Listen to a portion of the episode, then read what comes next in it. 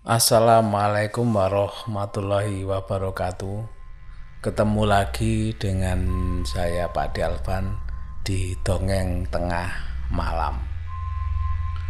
Dan ingat selalu jaga kesehatan, makan uh, yang teratur supaya imun kita tetap terjaga agar kita bisa melawan uh, serangan dari penyakit yang saat ini lagi rame ya COVID-19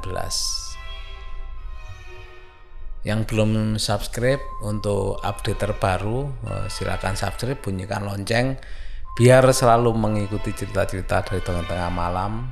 Eh, jangan lupa like-nya dan komentarnya untuk membangun atau mungkin cerita-cerita yang saya sampaikan ada yang salah atau perlu diperbaiki atau apa silakan komentar di bawah.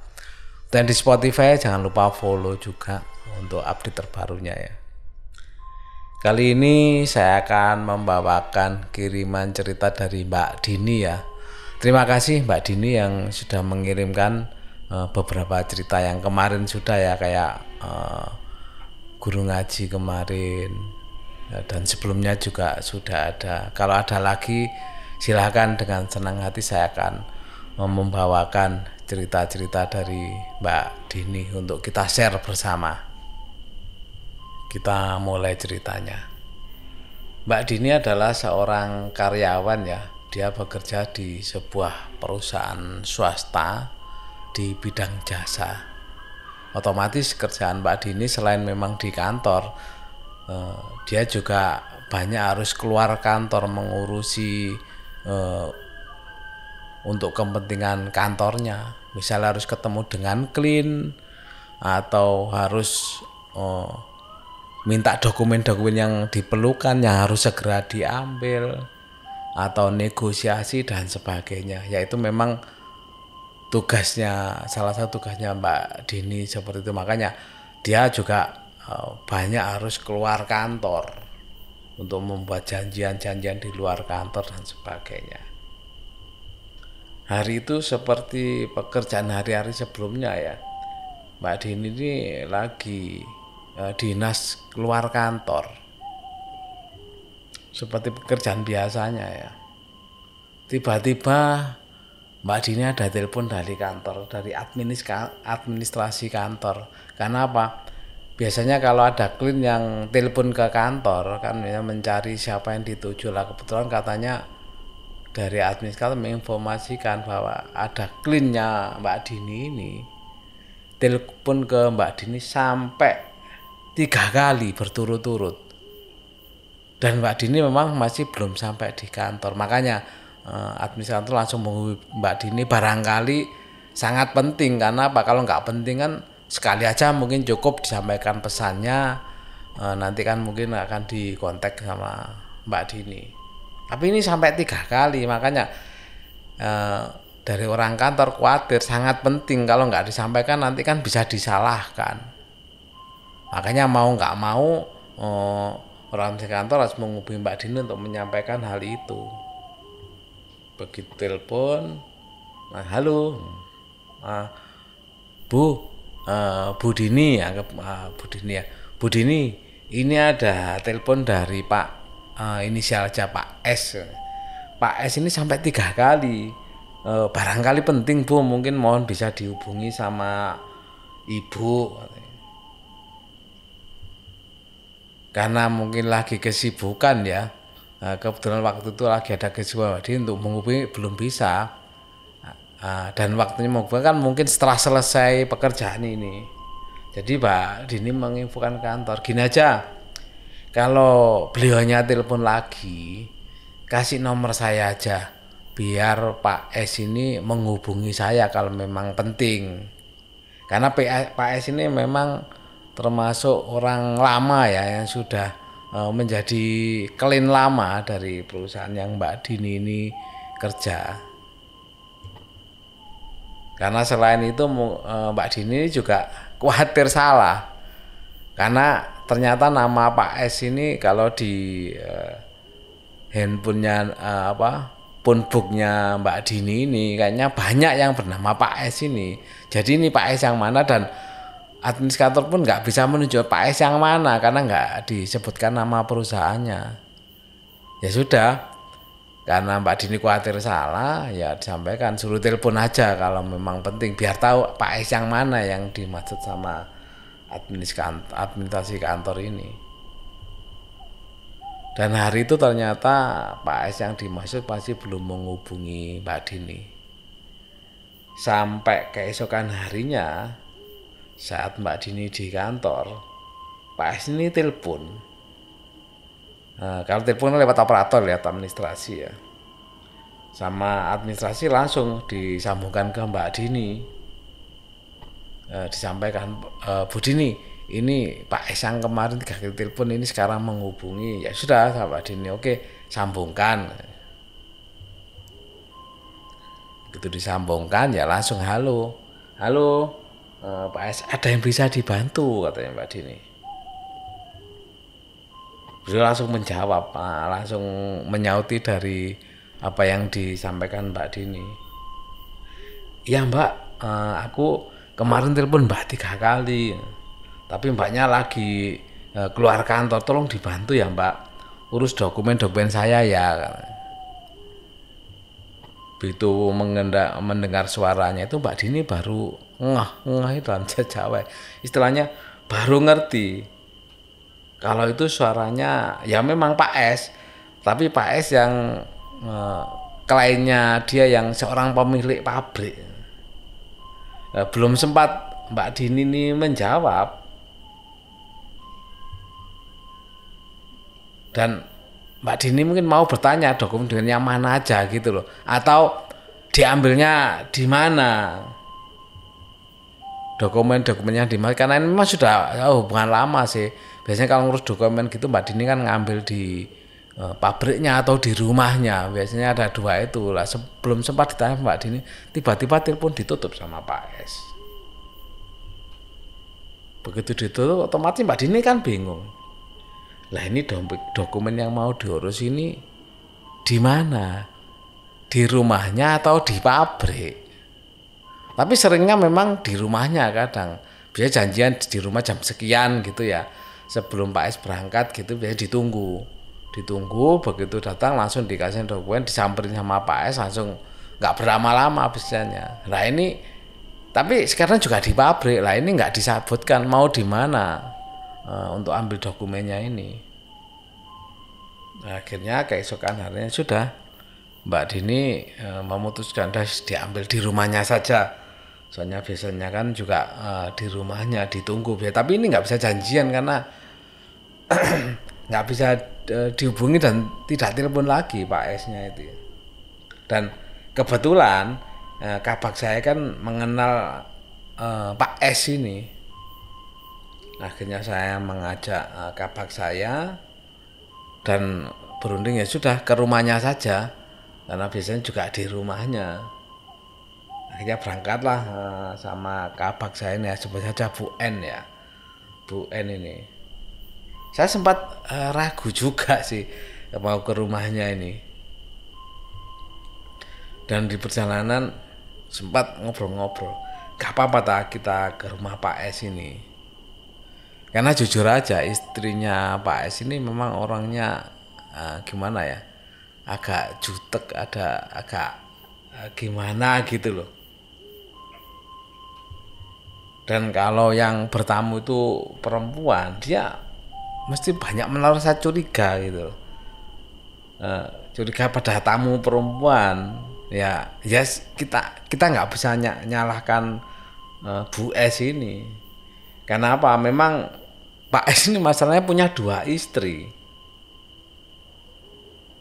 Dan yang saya datangi ini adalah istri yang pertama dari Pak S. Makanya nggak salah kalau memang kita bertandang ke rumahnya karena kita kan juga uh, perempuan ya mungkin rasa cemburu atau khawatir kawin lagi atau gimana ya. Ya sudah kita maklumi aja. Tapi karena ini tugas yang harus diselesaikan atas permintaan dari Pak S ya sudah kita berangkat ke uh, tempatnya Pak S. Ke rumahnya maksudnya. Sampailah uh, di depan rumahnya Pak S. Begitu nyampe otomatis Mbak Dini kan langsung mencet uh, pintu ya bel di pintu ya supaya uh, terdengar kalau ada tamu. Begitu bel dibunyikan nggak lama ternyata yang muncul Bu S yang istri pertama tadi. Tapi yang kami heran kami yang sudah mulai jaga-jaga ya pasti jutek ini. Ternyata enggak begitu dia buka pintu dan melihat kami eh, langsung mempersilahkan kami. Oh oh mbak silakan masuk. Monggo monggo katanya uh, Bu S ini. Dengan ramahnya waktu itu. Padahal perpikiran kita sudah terbalik 100 uh, eh, derajat. Bahkan kami sampai pandang-pandangan sama Bu N kapak saya tadi dengan dengan perubahan dari Bu S tadi setelah itu kami diberi silakan masuk dan duduk di ruang tamu. Setelah kami duduk, eh, Bu Es langsung ke belakang. Lah, anggapan kami, ya, kami maksudnya Mbak Dini sama Bu N tadi kan mau dipanggilkan Pak S. Ternyata setelah menunggu lama, ternyata yang keluar masih Bu S. Dengan membawa minuman dan kue-kue ya, di dalam nampaknya itu. Uh, disuguhkan buat buat kami kita berdua sambil mempersiapkan. Silakan Pak diminum di incipi kuenya katanya gitu. Begitu mendapat sambutan seperti itu langsung kami menyampaikan. Sebenarnya masuk kedatangan saya ke sini ini saya dihubungi Pak S Bu untuk mengurus dokumen-dokumen yang uh, diminta sama Pak S. Jawab uh, Mbak Dini waktu itu. Kebetulan Mbak. Sebenarnya uh, saya ingin menghubungi Mbaknya uh, untuk memberitahu kalau Pak S-nya tidak ada. Sambil nadanya agak rendah gitu ya Bu S menyampaikan dengan dengan mimik wajah yang uh, sedih. Dan saya Mbak Dini waktu itu heran. Maksudnya Pak S nggak ada itu oh, sudah eh, berangkat atau gimana? Soal Mbak Dini menanyakan maksudnya oh, Pak S sudah berangkat ke pabrik gitu kak Bu? Dengan nada yang agak dipelankan ya mesti nggak kuat untuk menyampaikan suara yang keras. Bu S menyampaikan enggak Mbak. Hmm. Pak S sudah meninggal tujuh hari yang lalu sambil berkaca-kaca ya Bu S menyampaikan itu. Betapa kagetnya Mbak Dini sama uh, Bu N tadi ya mendengar uh, ucapan dari Bu S tadi. Dan seketika uh, Mbak Dini sama Bu N saling berpandang-pandangan. Hampir nggak percaya gitu lah apa yang disampaikan Bu S tadi. Maksudnya sudah tujuh hari yang lalu meninggal. Lah terus yang telepon kemarin sampai tiga kali dan keesokan harinya telepon lagi diterima sendiri sama Mbak Dini dan suaranya jelas bahwa itu Pak S. Terus siapa sebenarnya? Tapi langsung sadar Mbak Dini langsung innalillahi wa inna langsung mengucapkan seperti itu ya. Dan nggak bisa berkata apa-apa Mbak Mbak Dini sama Bu N ini. Bahkan Bu Eni sampai gemetar dan berkeringat dingin eh, mendengar berita itu. Bahkan kalau diingat-ingat pada waktu Pak S telepon bukan hanya eh, Mbak Dini aja yang mendengar. Operator administrasi pun mendengar dan mereka menceritakan bahwa yang telepon itu Pak S dengan suara yang sama. Telepon tiga kali kemarinnya dan besoknya telepon lagi langsung disambungkan ke Mbak Dini itu bener-bener Pak S yang sama dan mereka ingat betul bahwa itu memang Pak S. Dan setelah diingat-ingat lagi sama Mbak Dini, memang pada waktu uh, Pak S telepon itu nada suaranya itu memang sangat uh, sangat pelan. Jadi kelihatan seperti orang yang kurang sehat gitu loh. Tapi walaupun suara pelan atau suara keras, masih mengganjal dalam pikiran Mbak Dini itu. siapa orang tadi itu? Suaranya persis dengan Pak S dan itu bukan orang lain jelas memang Pak S dan Mbak Dini memang kan sudah berhubungan nggak sekali dua kali dan hafal betul suaranya apa itu kayak gimana lewat telepon maupun eh, pembicaraan secara langsung dan itu menjadi pertanyaan sampai saat ini Mbak Dini siapa sebenarnya yang telepon uh, yang katanya Pak S tadi? Ya menurut Mbak Dini Allah alam lah. Uh, siapa tahu dari telepon yang tidak diketahui itu mungkin ada hikmahnya. Tidak uh, tahu hikmahnya Tuhan yang serba tahu. Jadi menurut Mbak Dini sudah ini dianggap uh, sebagai hmm, mungkin bagi Pak S sesuatu yang belum terselesaikan.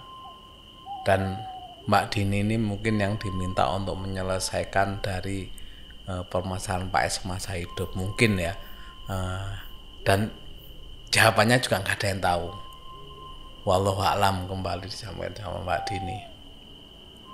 Dan sampai sekarang menjadi tanda tanya besar yang tidak ada jawabannya. Itu tadi share pengalaman dari Mbak Dini dan mungkin masih ada lagi cerita-cerita Mbak Dini. Kita tunggu uh, nanti uh, pengalamannya lagi dari Mbak Dini untuk disampaikan di dongeng tengah malam ini. Saya ucapkan sekali lagi Mbak Dini atas kirimannya. Saya tunggu kiriman-kirimannya ceritanya lagi dan Semoga pendengar dongeng malam bisa terhibur, bisa mengambil hikmah dari pengalaman-pengalaman uh, pencerita atau yang diceritakan di dongeng tengah malam ini. Terima kasih telah mendengarkan dan saya akhiri. Wassalamualaikum warahmatullahi wabarakatuh.